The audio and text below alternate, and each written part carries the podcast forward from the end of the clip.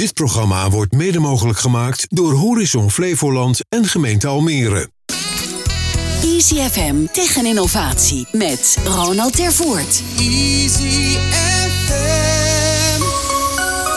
Welkom en leuk dat je weer luistert of meekijkt naar Tech en Innovatie, de wekelijkse talkshow over ondernemen op het snijvlak van technologie en innovatie. Ik ben Ronald de Voert en elke week heb ik twee gasten uit de regio. Denk aan start-ups, scale-ups tot grotere bedrijven en instellingen. Wat drijft hen? Welke lessen hebben zij als ondernemer geleerd? Hoe proberen ze te innoveren? De impact van technologie erbij en natuurlijk delen we de nodige praktische tips. Vandaag de gast in de ICFM-studio in het WTC Media Center Almere, Marcel Henriques, partner van Haagse Feiten over het digitaal ontsluiten van politieke informatie voor burgers, pitchen voor investeerders en de ambities in Europa. En Søren Knittel, co-founder van Floating Future over gewassen verbouwen op drijvende eilanden, innoveren in het buitenland en de concurrentie voorblijven. Welkom hier in de studio. Dankjewel. Dankjewel. Goedemorgen. Dus we gaan op eilanden zitten en we gaan uh, naar Den Haag ook, Ja. denk ik toch? Oké. We beginnen het programma altijd even met wat jullie is opgevallen, bijgebleven op het gebied van tech en innovatie. Om bij jou te beginnen, Søren. Nou, ik heb een heel leuk voorbeeld. Ik ben uh, ergisteren bij een partner geweest, bij Marin in Wageningen.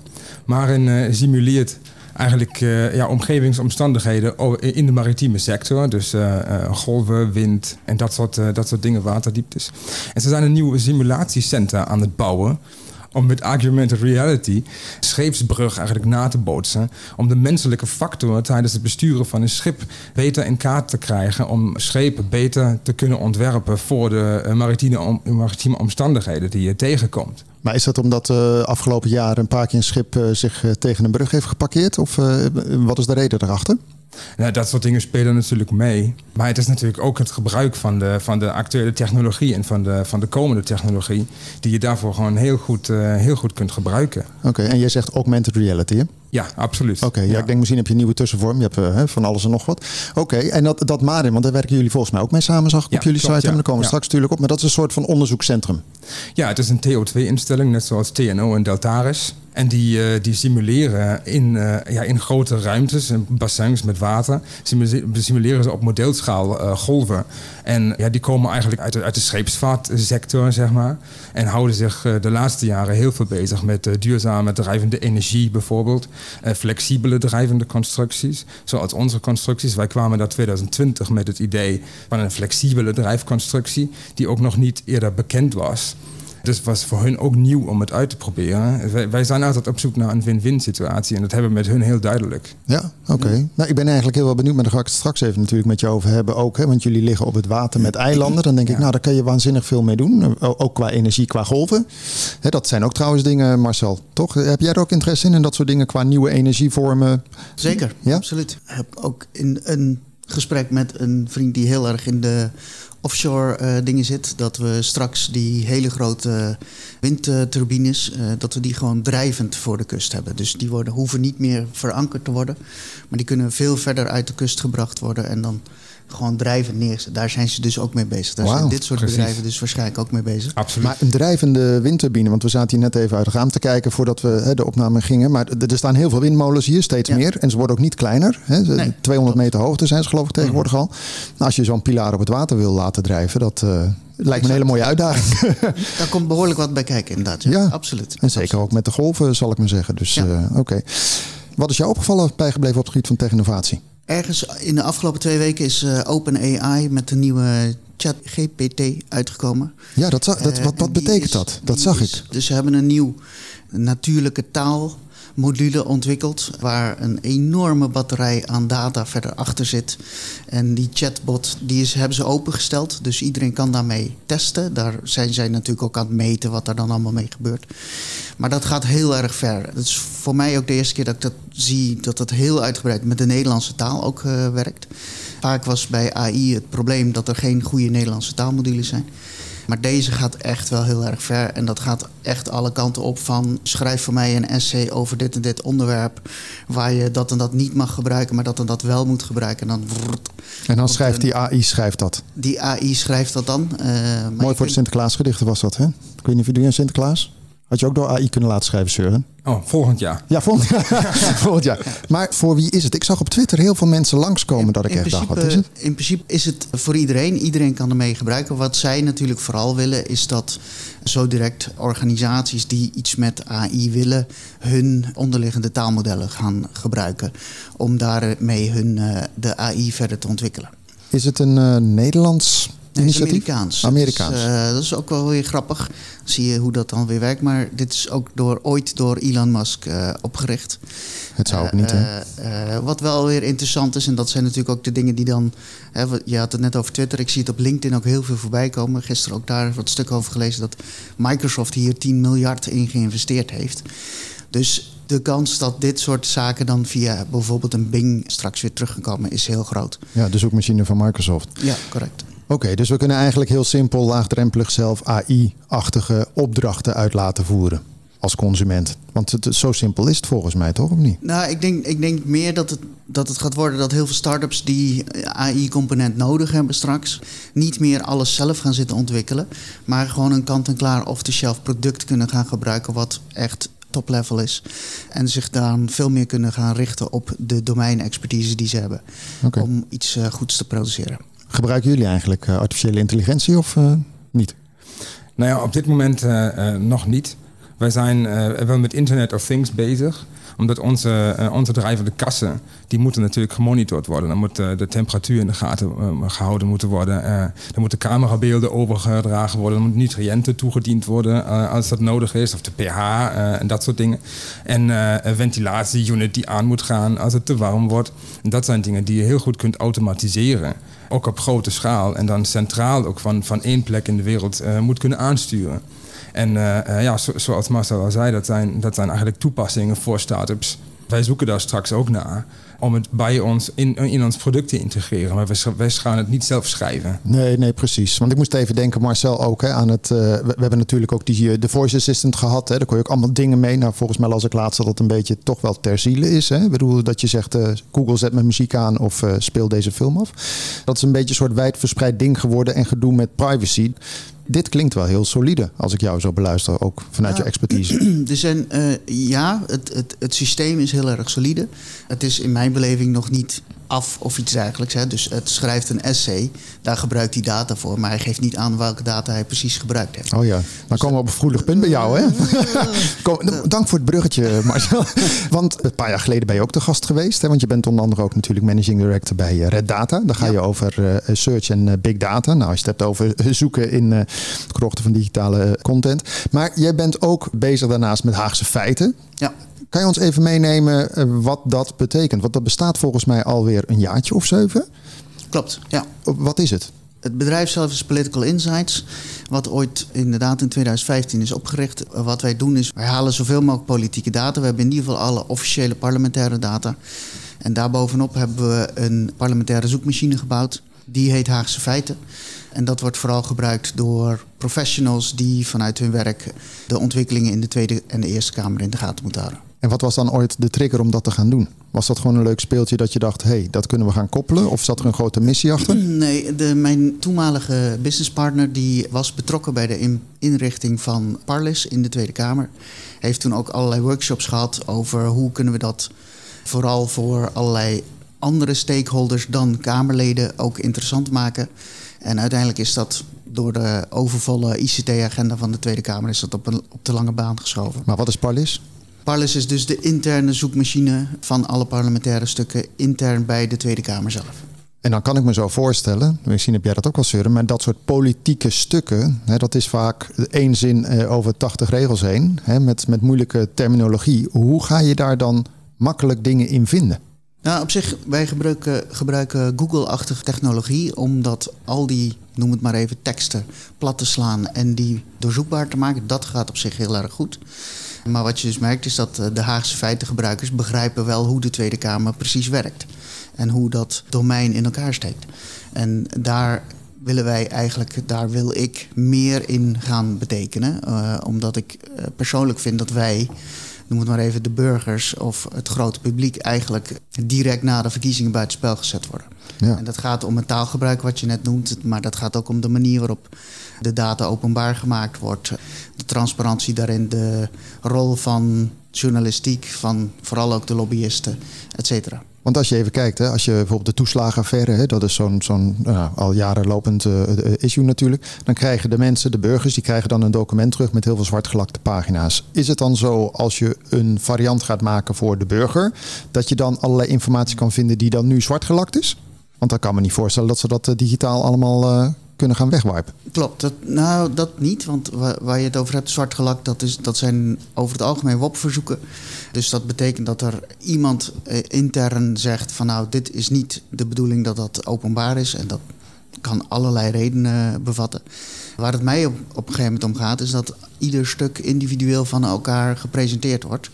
En het proces wat daaronder ligt, of de context die daaronder ligt, de stakeholders daar in dat hele proces, dat is eigenlijk onzichtbaar. Nou, daar hebben we heel veel en goede Kamerleden en goede journalisten die dat op de een of andere manier inzichtelijk proberen te maken. Alleen daarin gaat vaak de feitelijkheid verloren. Dus wat heeft iemand nou daadwerkelijk gezegd? Wat is nou de daadwerkelijke Kamerbrief geweest die verstuurd is? Wat is nou daadwerkelijk de motie geweest? Etcetera, etcetera.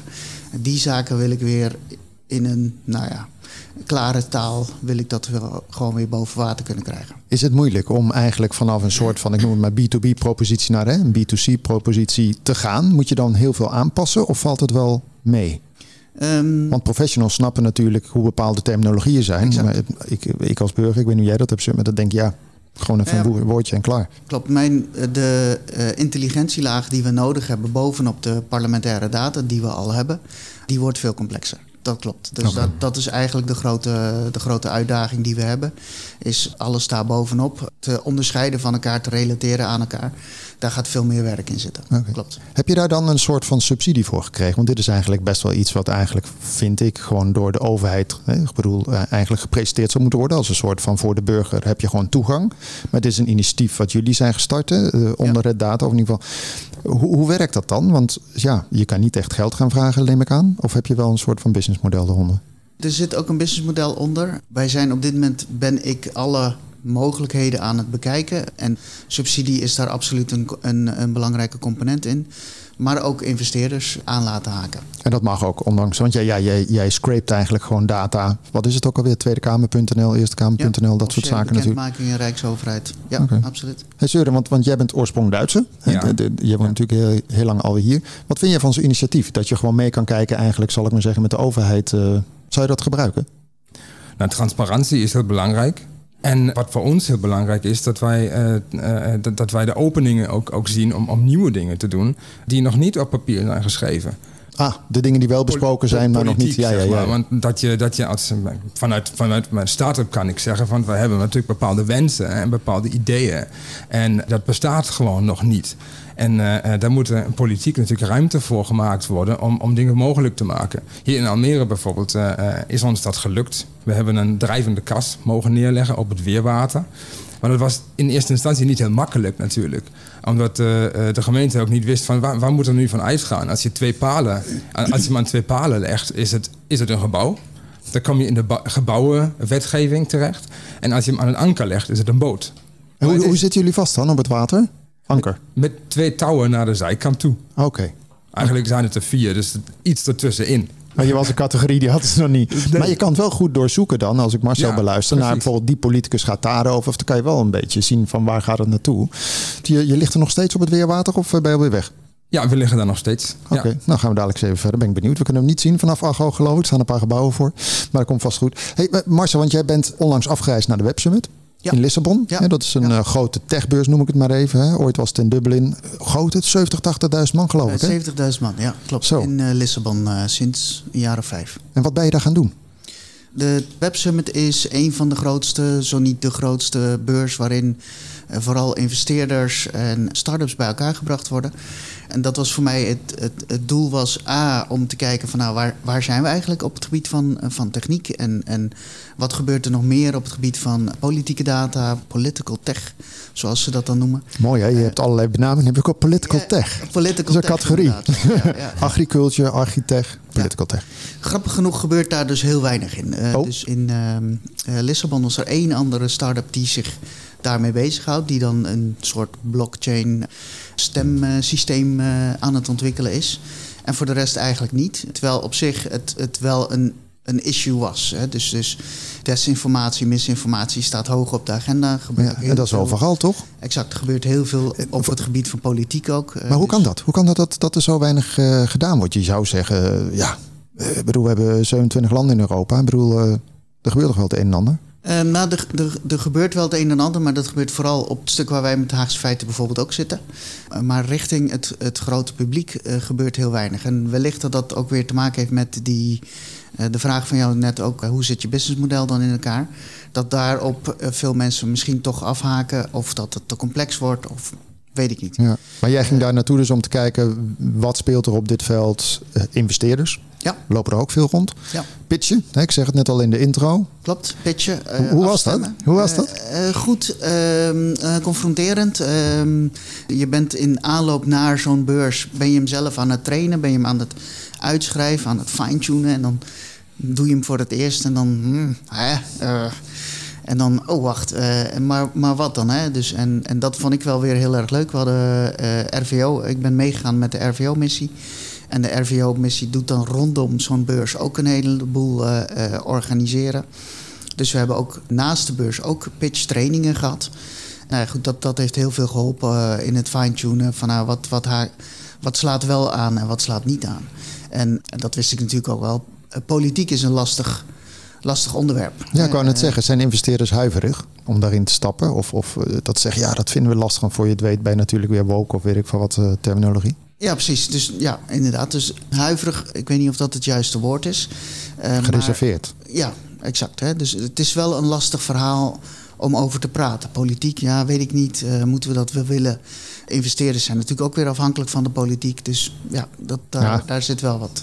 Maar desalniettemin, je zegt het net zelf al. Hè, in deze tijd betwijfelen steeds meer mensen bepaalde informatie vanuit de overheid. In dit geval kan je natuurlijk gewoon zeggen, als ik jou beluister, dit is de bron, punt. He, daar zit je ook in. Er zit geen filters tussen in die zin. Ja. Dus eigenlijk doe je alleen maar wat men graag zou willen. He, je geeft gewoon informatie zoals het is.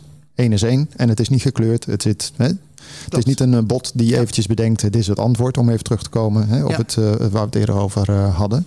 Oké, okay. maar had je een eigen beurstand dan daar ook? Of hoe, hoe? Nee, ik had uh, dat even, als we het hebben over lessons learned, dat was mijn ene cruciale fout. Je moet, als je naar de Web Summit gaat, moet je je opgeven voor het alpha, beta, whatever programma. En dan word je als start-up daarin opgenomen. En in overleg met de RVO had ik bepaald van, nou ja, dat, dat eh, is een beetje veel van het goede. Dus ik had geen alpha stand. En dat was even uh, gemiste kans. Dus dan mag je niet uh, een dag of zo ergens uh, je Klopt. laptop uitklappen ja. op zijn ding. Ja. Ik zag Søren even al knikken over pitchen en fine-tunen. Dat zou jij ook wel in een treuren gedaan hebben, toch? Ja, het is bij ons een, een jarenproces. Ja, jullie zijn een soort van in bedreven ongeveer, denk ik, of niet? Ja, ja, ja, ja, ja want, je ontwikkelt natuurlijk een stukje en dan, en dan kom je weer naar buiten en je zoekt een bepaalde, uh, een bepaalde investering. En dan kom je bij mensen tegen. En in elke pitch die wij gehouden hebben, merken we het ook, zelf van oké, okay, daar zitten nog open eindes en die moeten we gaan sluiten. Dan moeten we onderzoek verzoeken of een andere investeerder verzoeken en zo. Dus pitchen is een, is een continu proces.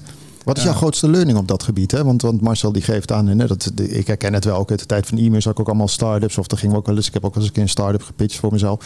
Wat zijn dan learnings waarvan je zegt, hey, dat, dat zijn de veelgemaakte fouten of let daar eens op. Zodat Marcel niet, uh, hè, dan kan hij gewoon even hinkstapsprongend in het proces uh, uh, ja, voordeel doen. Ja. Nou, even denken, 2019 bijvoorbeeld hebben wij financiering gezocht, een investeerder gezocht met een, uh, met een verhaal over een floating food farm. Er was een drijvende infrastructuur met een drijvend restaurant, met drijvende akkers daarnaast waar dat restaurant en het voedsel uit kon halen en dat soort dingen. En we hebben een heel concept bedacht en gevisualiseerd hoe voedsel naar de stad gebracht kan worden en dat soort dingen. Dat hebben wij een investeerder laten zien. Dat is niet niks. Nee, nee, precies. dat, was, dat was een hele, hele leuke tijd en een hele ja. goede pitch. Maar goed, onze investeerders zeiden van... oké, jullie willen dus de wereld voeden. En jullie willen wereldsteden van, voorzien van voedsel. En dan moeten we daar eigenlijk samen in eerste instantie aan werken. Dus uh, ontwikkel dan maar eens een product wat zo opschaalbaar is dat dat ook uit kan, uh, ook economisch. En dat, dat, dat, dat het ook daadwerkelijk werkt. Ja, dus je wordt eigenlijk, je had een heel groter verhaal en je hebt eigenlijk moest je gaan focussen, zal ik maar zeggen. Doe maar zo'n onderdeel precies. goed. Precies, en, en, en daar gaat het denk ik ook om bij pitchen. Dat je, eh, je werkt zeg maar, met je investeerders samen en, en je moet die, ja, die, die, die link zien te vinden. Ja. ja, je bent nooit uitgeleerd in die zin, hè? want de investeerders zijn natuurlijk ook steeds van andere partijen. Als je in Nederland kijkt, Marcel, zijn er ook, want ik kan me voorstellen dat er gewoon ook eh, partijen in Nederland zijn die hier wel geïnteresseerd in zijn. Uh, nieuwspartijen of uh, anderszins, die hier al mee bezig zijn? Of ben jij een van de weinigen? In de, de, manier waarop ik het wil opzetten, zijn we, zijn we de eerste. Misschien dat we ook wel de eerste en de enige blijven, dat weet ik niet. Maar om het neer te zetten op zo'n manier dat dat voor iedereen bruikbaar is. En uh, wat ik uiteindelijk wil, is dat wij de, de plek worden van als je iets over de politiek hoort of leest of wat dan ook, dat je even bij ons gaat kijken. En daar vind je van oké, dat is toen gezegd door deze persoon in deze brief of vanuit deze motie uh, terechtgekomen of op basis van deze Kamervragen.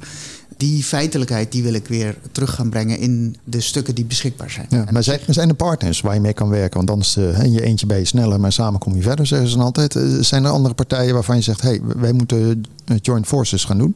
Zeker, er zijn, er zijn verschillende partijen waar we naar aan het kijken zijn. Van, okay. uh, goed, en dat, dat is op het gebied van de techniek. Dat is op het gebied van uh, projecten die al eerder gedaan zijn. Er zijn in het politieke heel veel one-off uh, projecten die dan, die dan gedaan worden. En die sterven dan weer een beetje een, een eenzame dood. En die zou ik eigenlijk wel weer erbij willen halen. Oké. Okay. Um, je, je, gaat geen, uh, geen partij noemen, hoor ik al. Maakt ook niet uit. Maar je bent op de Web Summit geweest. Dat is alweer drie, drie weken geleden, denk ik, dat je weer terug dat bent. Ongeveer. Begin november. Begin november, oké, okay, iets langer. En dan nu? Heb je nu zoveel leads gekregen dat je een soort follow-up gaat krijgen? Of, of is het vooral kennis, even, even alles digesten, zal ik maar zeggen? Vooral dat laatste. Dus uh, uh, ja, kennis. hele interessante kennis. Ook hele interessante nieuwe, noem het maar even, blik op hoe investeerders denken en, en waar zij echt naar op zoek zijn. Dat zijn we nu aan het verwerken en daar wordt nou pitch deck op aangepast. En en daarop gaan we de nieuwe gesprekken houden. Waar gingen ze vooral op aan? De investeerders of de mensen die interesse hadden om hierop in te stappen? Wat was het? Nou ja, de feitelijkheid terugbrengen. Okay. En dat proberen voor een heel groot publiek uh, uh, ook te doen. Als je dan eventjes breder kijkt dan Nederland. Duitsland, hè, neem we erbij bijvoorbeeld. Maar ja. ik bedoel, allerlei andere landen. De, er gebeurt niet zoveel, zeg je net. Hè, wat je niet hebt kunnen achterhalen. Jullie doen het al zeven jaar voor de professional. Dus dan ja. heb je die hobbel al gehad. Hè. De grote, grootste critici heb je denk ik al uh, gehad. Kan je het dan ook makkelijk gaan uitrollen naar andere landen? Dat kan, maar dan moeten we eerst het Europees Parlement erbij hebben. Oh, dat klinkt dus, niet heel snel. nou, op, op, zich, het Europees Parlement heeft ook heel veel open data. Dus dat is een kwestie van, van ophalen en begrijpen hoe het proces in elkaar steekt. Als je dat hebt, dan, dan kun je daarin verder. Wat interessant is, ik heb met verschillende mensen uit allerlei verschillende landen gesproken. En de problemen of de, de ontevredenheid die we hier hebben, die hebben we ook in Ierland en die hebben we ook in Duitsland en die hebben we zeker ook in bijvoorbeeld Oostenrijk. Dus het is wel over, hè, als je een goede modus weet te vinden, dan is het over meerdere landen door heel Europa uit te rollen. Maar zoals hier heb je, hè, wat je zegt, die bronnen waar je naar kan uh, schakelen. Ja. Is dat in het buitenland ook zo makkelijk? Hè? Ik, bedoel, ik weet niet of wij daarin voorop lopen, dat we zo open zijn, of is dat eigenlijk overal wel? Nee, dat is niet overal. Want dan krijg je te maken met wetgeving, kan ik me voorstellen. Stel je voor dat je in Duitsland wil gaan scrapen van deze informatie, dat het dan weer anders werkt dan in Nederland. Dat, dat maakt het dan misschien wel complex.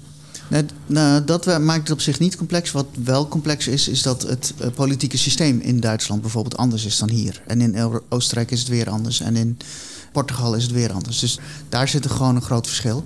Hoe je het dan kan duiden eigenlijk ook. Het is, nou ja, goed, als met de Duitsers gaan zoeken naar Duitse info, die gaan niet op de Nederlandse site natuurlijk. Exact, ja.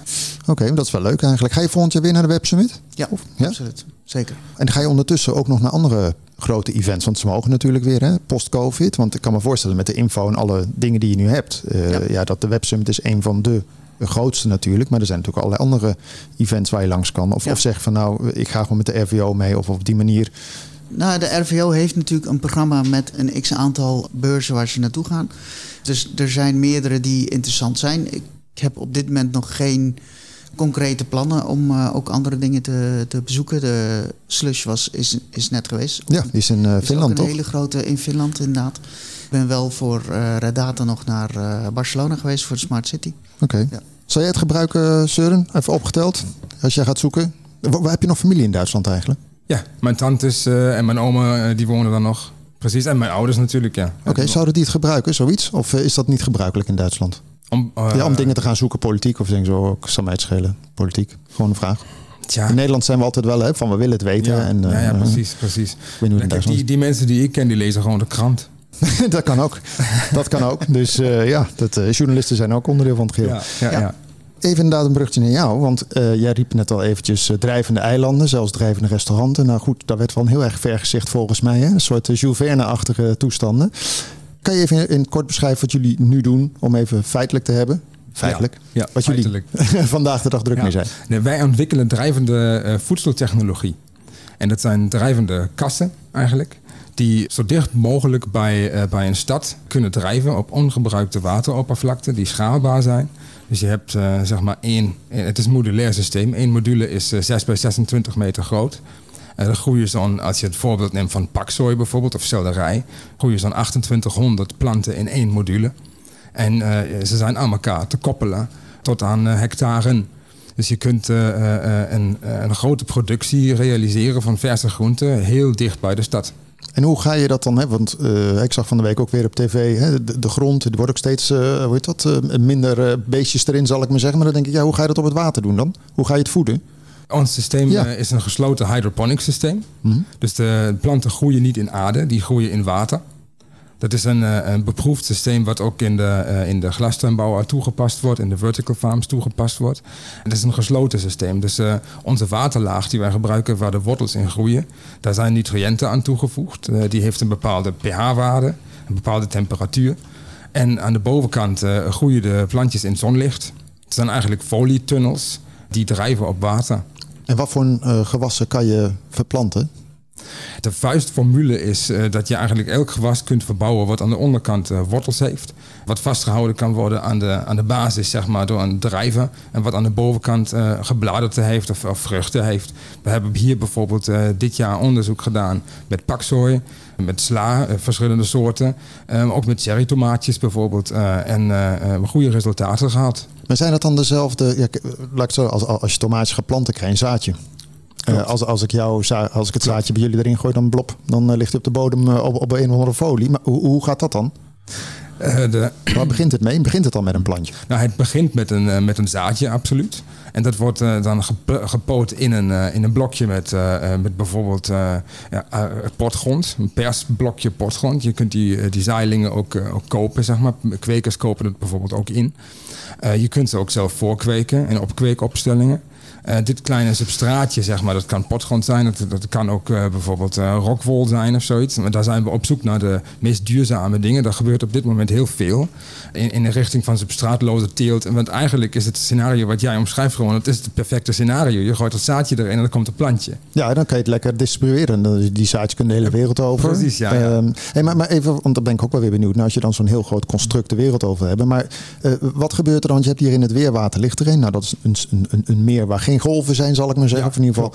Moet het sowieso op eh, zoetwater of kan het ook in brakwater? Het op, Zoutwater is natuurlijk niks. het kan op alle wateroppervlaktes, omdat het een gesloten systeem is. Ah, dus je hebt er geen last van. Het Nee, is gewoon een drager. Het is een drager, absoluut. Ja, ja, klopt. En we hebben daar een, eh, eh, een octrooi op.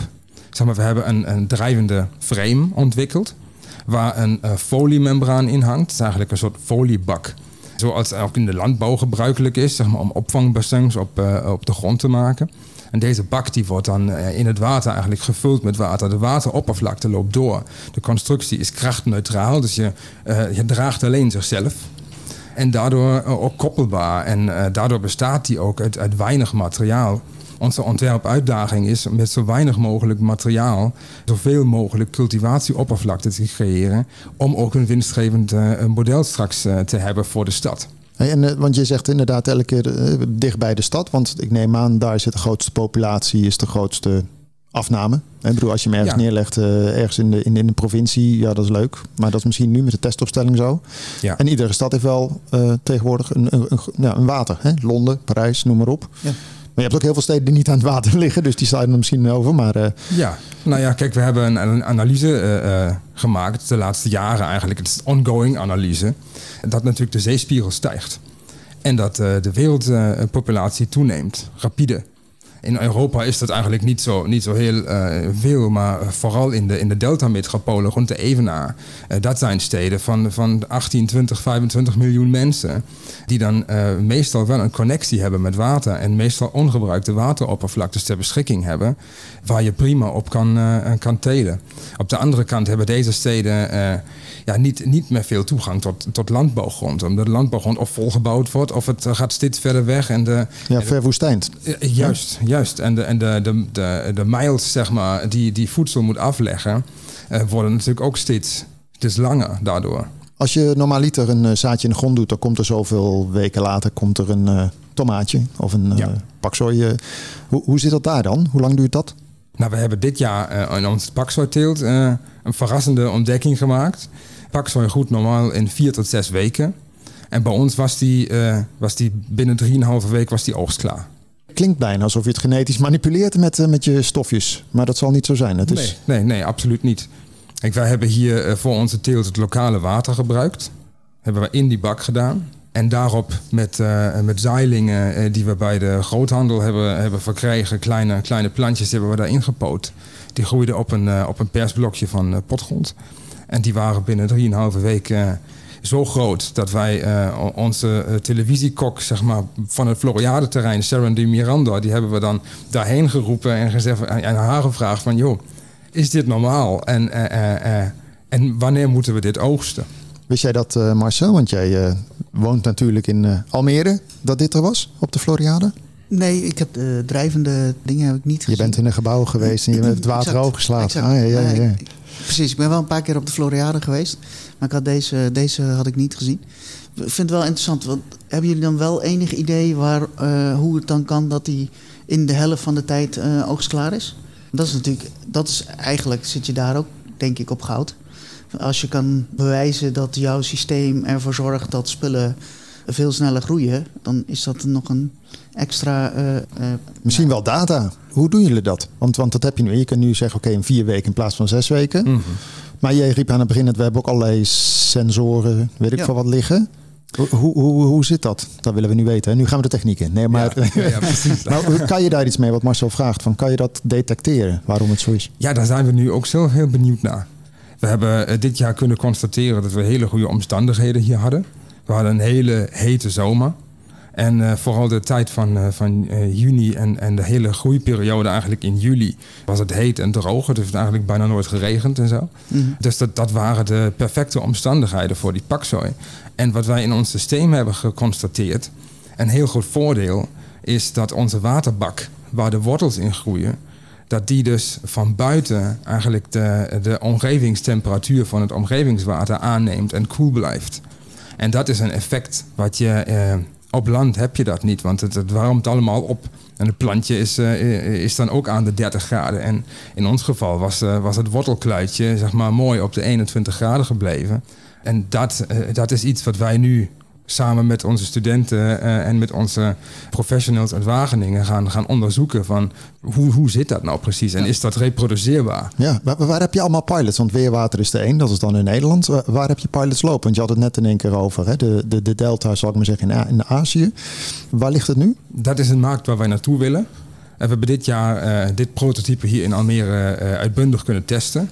En we zijn hem nu aan het verder ontwikkelen een oogstmachine bijvoorbeeld zijn we aan het ontwikkelen, die, uh, die ook nog uh, in een prototype fase uh, zit. Oh, maar dat kan erover, want hoe, hoe pluk je dat inderdaad? Dat is wel een goeie. Of hoe, hoe oogst je dat? Want plukken is dan ook niet meer, hè? Maar hoe, hoe doe je dat? Op het water? Hebben, ja, we hebben een, een oogstboot nodig. Die zeg maar aan, de, aan één kant van zo'n drijvende module aan kan dokken. En hem open kan maken. En dan worden al die, uh, al die drijvers, want die planten die zitten vast in, in drijvers van, van een meter 20 bij 40, zeg maar iets wat een, een mens goed kan handelen. Die zitten aan elkaar vast. Dan wordt er daaruit getrokken. Mm. En op die uh, oogstboot wordt het dan tijdelijk opgestapeld en dan uh, naar een warehouse gebracht waar het uitgepakt wordt, in kratjes verpakt wordt. Grappig ook. Jij noemde net trouwens even vertical farming. Hè? Dat is eigenlijk dat je gewoon thuis in een soort van uh, stellage kan je ook uh, je eigen groentes gaan verpotten. Hè? Dat is Philips volgens mij heel groot in. Hè? Met speciale lichtjes. Dan krijg je het ook. Dat, dat heeft Philips. Hè? Die heeft bepaalde lichtjes en dan groeien ze sneller. Ja, goed, als je bij jou ook nog een keer lichtjes erop moet gaan zetten, moet je stroom leveren. Dat is niet te doen. toch? Ja, kijk, wij, wij, wij, toch? wij, wij zoeken daarna om zoveel mogelijk met natuurlijke hulpbronnen te werken. Om zo min mogelijk eh, technologie eigenlijk die in ons geval niet nodig is, zeg maar, om, om, die, daar niet, ook, om die daar niet in te bouwen. Ja. Kijk, bij een vertical farm is het logisch dat je kunstmatig licht nodig hebt. Want je hebt natuurlijk ook een hele kunstmatige donkere hal eigenlijk. Waar je dan de, de plantjes moet voorzien met, eh, met de juiste eh, intensiteit licht. Als je dan even kijkt, hè, dit, dit is dus eigenlijk sneller en goedkoper waarschijnlijk ook. Als je dicht bij steden ligt, kan je natuurlijk ja, die, die eh, hoe heet zoiets, de, de, korte, hoe heet zoiets ook? de korte voedselketen zal ik maar Ja. zeggen. Ja. Investeerders erin. Hoe staat het ermee? Staan ze in de rij? Ze zijn heel geïnteresseerd. Absoluut. Maar dat is iets anders dan dat ze al de portemonnee optrekken. Tenminste, je Maar zegt ja, het, is. Ja? het, het is natuurlijk een, een technologie die nu in ontwikkeling is. En op, op alle fronten eigenlijk. Op, eh, op zaadontwikkeling voor hydroponics. In ons systeem is, is in ontwikkeling. Kijk, onze oogstmachine eh, is nog niet op de markt. Wij hebben hem in, in ons hoofd hebben we alles uitgerekend.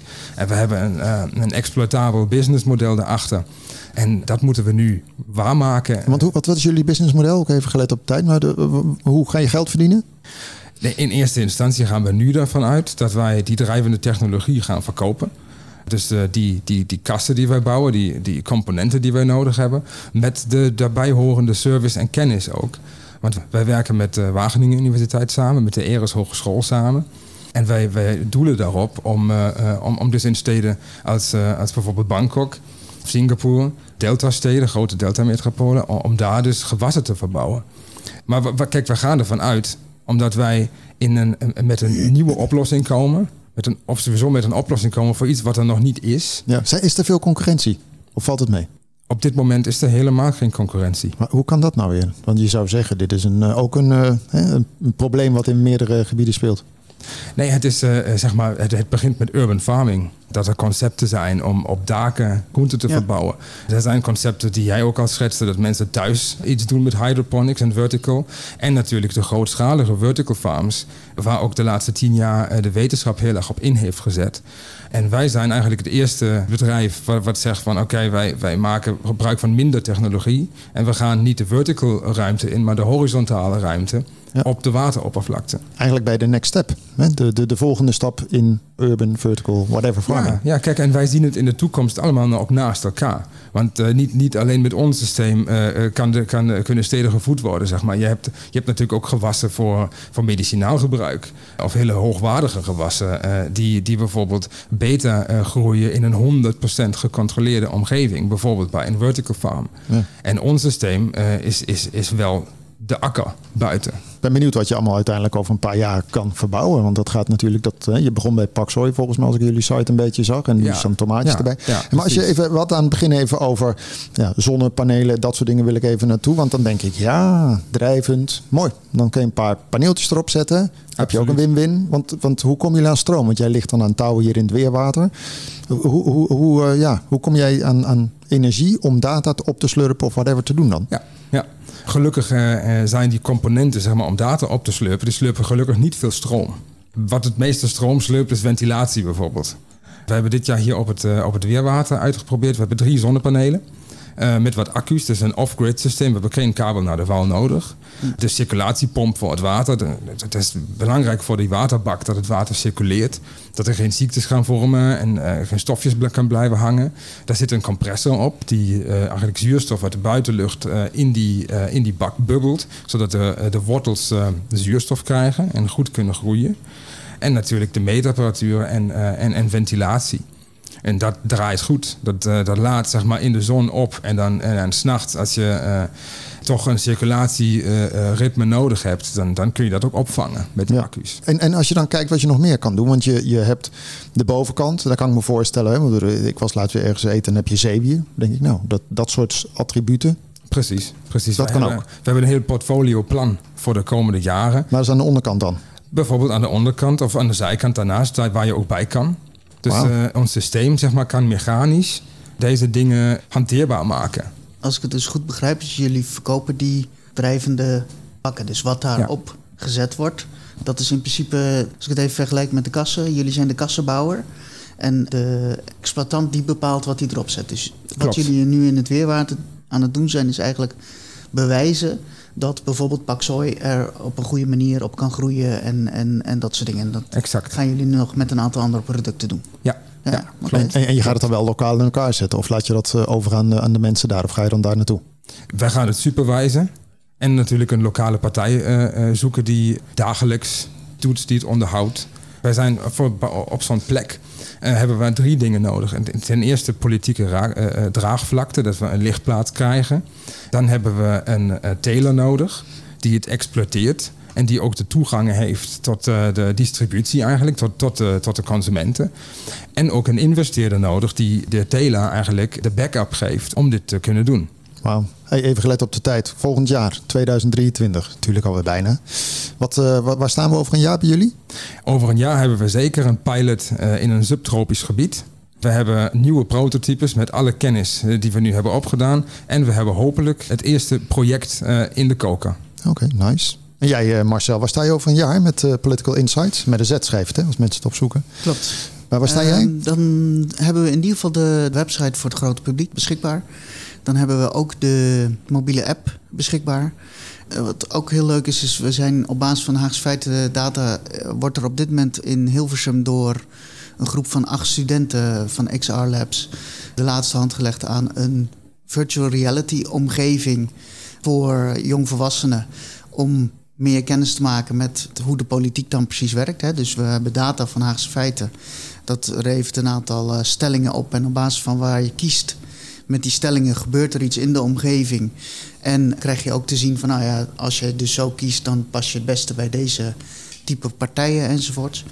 Dat soort dingen, daar zijn we mee bezig. Dus dan, dan moet onze drang om wat meer maatschappelijk ook eh, verantwoord bezig te zijn, die moet dan echt wel vorm gekregen. Lijkt me handig bij eh, als er weer verkiezingen zijn. Maar die zijn volgens mij eh, zijn er volgend jaar al. Ik ben niet zo heel erg op eh, de politieke tour. Maar dan, dan heb je vaak van die tools. Hè. Dan kan je invullen en dan krijg je Ja. eruit welke partij. Ik denk altijd, hoe kan het nou? Dit is helemaal scheef. Ik snap er niks van.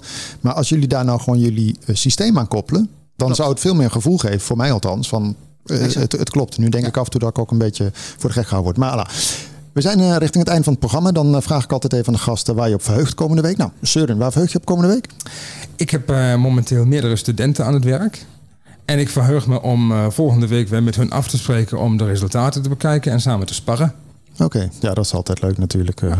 En jij, Marcel, waar verheug je op? Nou, tot nog toe, eh, eh, mede door de drukte vorige maand natuurlijk ook met al die beurzen, heb ik nog helemaal niks kunnen doen aan kerst of wat dan ook. Dus volgende week is denk ik even de, de laatste week om nog even eh, goed eh, eh, alles te regelen voor volgend jaar.